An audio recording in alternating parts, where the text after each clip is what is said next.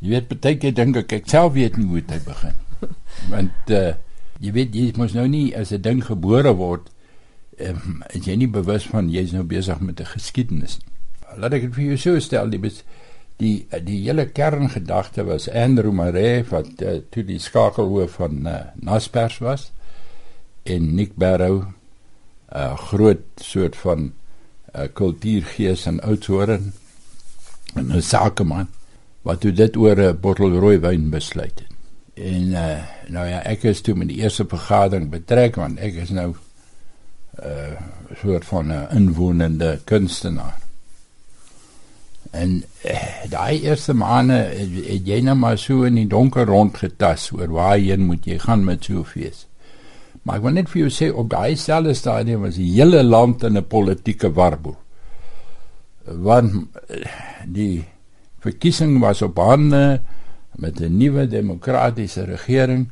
Uh, die AWB uh, uh, politieke organisasie was op sterke voet en hulle hulle was almal besig met perde kommandos, jy weet die uh, die soort van uh uh, boere eerste en en uh, die land behoort aan die blankes en daai soort van ding. En hier kom hierdie groep in Oudtshoorn, nou maar jy weet Oudtshoorn was nou nêrens bekend in die land as enigsins 'n of 'n kultuurdorp. Hmm. Uh of 'n politieke dorp. Nou wel alles skielike fees op Oudtshoorn. Waarvoor? Waarom? Nou en jy het duistere motiewe wat daar agter sit. Ons arme jokkies. Ons neek maar net voort wat ons gaan 'n kunstefees hou. En ons skryf vir Pieter Fourie, hy word nou die direkteur van die fees en hy weet daarom, jy weet nou hoe lyk teater en drama en dit en dat en so aan. En hy betrek vir Karen Meyering en sy is jonk en jukkerig en lus vir die ding en Ons kry 250 000 rand by Naspers. Ons dink dit is 'n fortuin en maar binne 'n maand weet ons dit is nou regtig 'n druppel in die emmer. Maar dis al wat ons het. Ons gaan nie meer nou fees en nou die volgende jaar ons kry ons datum reg nou hier in die paastyd.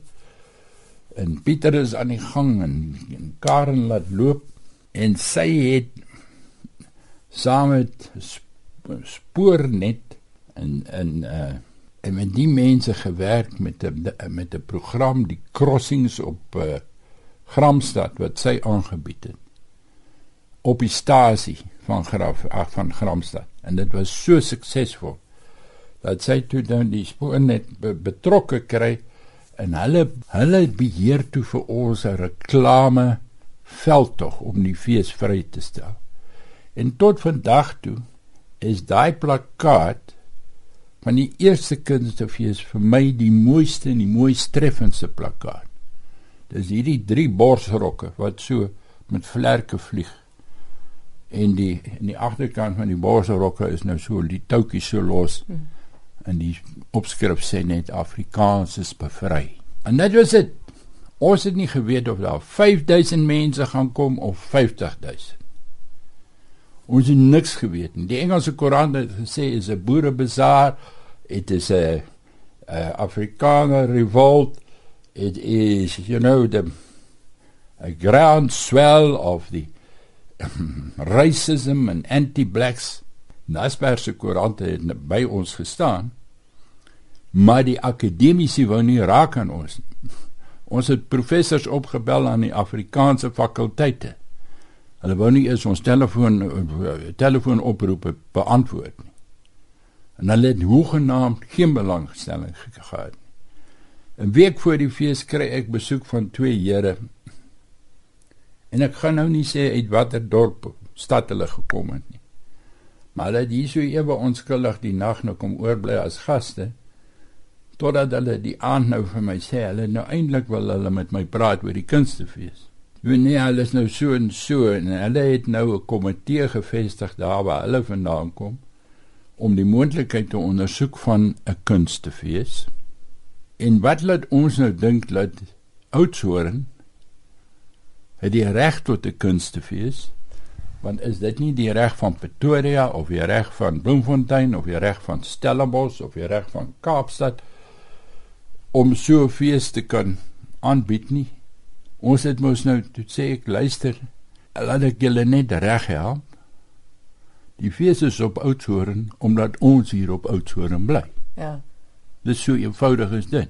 Dis hulle wel, hulle het nou op hulle komitee wat die saak ondersoek het, hulle kultuurkundiges wat sê dit jy weet dit sal glad nie hier werk nie. Dis sê ek en hoe lank is die komitee al die bestaan al? Dis sê hulle so 5 jaar. Dis sê ek ek dink wat julle moet doen, julle moet teruggaan en daai komitee ontbind, want ek sê nou vir julle julle moer. Die volgende week toe staan ons en wag. Die aand voor die fees. Ons is in die Forsterhuis. Ons is so eentjie vol. Ons drink 'n dop op die onbekende. Dit begin die eerste ligte die dorp inkom. En hulle hou aan met kom. En dit is nou aan 11:00 die aand en hulle kom. En ons klim op die balkon en op die dak. Hulle die ligte kom so oor die berg daar van van George se kant af. Kom daar van Mosselbaai oor die pas. Die volgende dag begin begin die fees dis in skoolsale, dis in kerksale, dis dit. En soos die deure oopgaan, so kom die mense in. En die sale sit stampvol. Stampvol, die meeste vroue en dis 10000 en dis 20000 en dis 30000 en ons kan nie glo wat gebeur nie. Daar ontstaan tentdorpe oornag. Karavane trek Jong mense slaap in die motor, slaap onder die motor, slaap in die oop veld, slaap op rugbygronde. Die busse kom. Die studente kom. Wat 'n ongelooflike ervaring was daai eerste jaar. Hoekom dink oom is die fees so ongelooflik gewild? Want nou na al die jare is dit steeds een van die enigste feeste waar baie van die Gautengers al die pad afry Klein Karoo toe. Hoekom? Ons het daai vraag al baie van mekaar gevra. en ons het nog nie 'n duidelike antwoord nie, maar ek sou vir jou sê wat baie belangrik is. Die sukses van hierdie fees is omdat Oudtshoorn is 'n bestemming. 'n Stad is nie 'n bestemming nie. Jy kan nie 'n fees in 'n stad hou nie. Maar jy kan nie vir mense sê, "Jong, vandag as jy prokureer, maar vanaand is jy 'n feesganger nie." 'n môre is jy weer 'n dokter of wat ook al. Die mense wat oudsoor toe kom, kan niks anders te doen as om fees te hou. Hulle is op 'n eiland, hulle gaan op 'n eiland.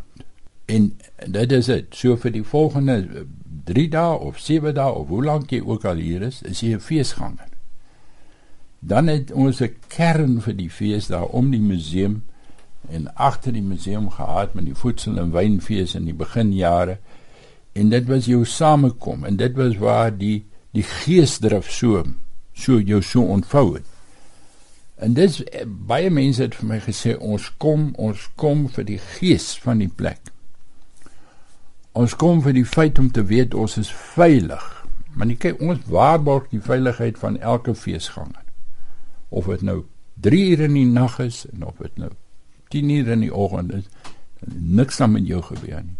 As dan nie by jou motor ingebreek word nie, niks sal gesteel word nie. Ons waarborg dit.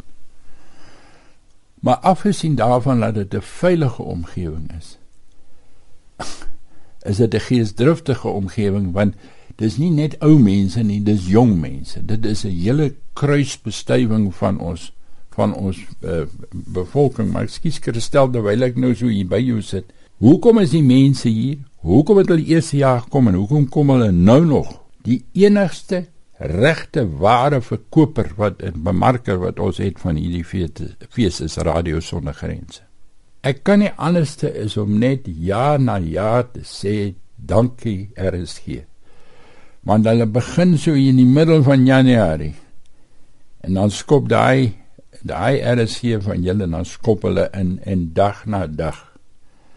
En feesgangers sê vir ons as ons opnames maak wie het julle gemotiveer? Hoekom is julle hier? 70 71% van al ons feesgangers sê radio sonder grense. So En dis hoekom hulle ook 'n ereplek het. Dis hoekom hulle reg daar staan by die museum in die hart van die van die fees omdat hulle daar hoort. Omdat hulle van die eerste dag wat ons begin het om te beplan. Was er is hier by in die ou staatmakers is nog hier so. Johan Rademan, jy weet. Ja. Ensovoort, ensovoort. En en ons het dit saamgeloop. Nou, ekskuus, ander feeste het ook 'n ondersteuning van radio en van koerante en so aan. Maar hierdie fees is die moederfees en dis die gemoedelike fees. En ek gaan my nou nie uitspreek oor die inhoudelike van die fees nie.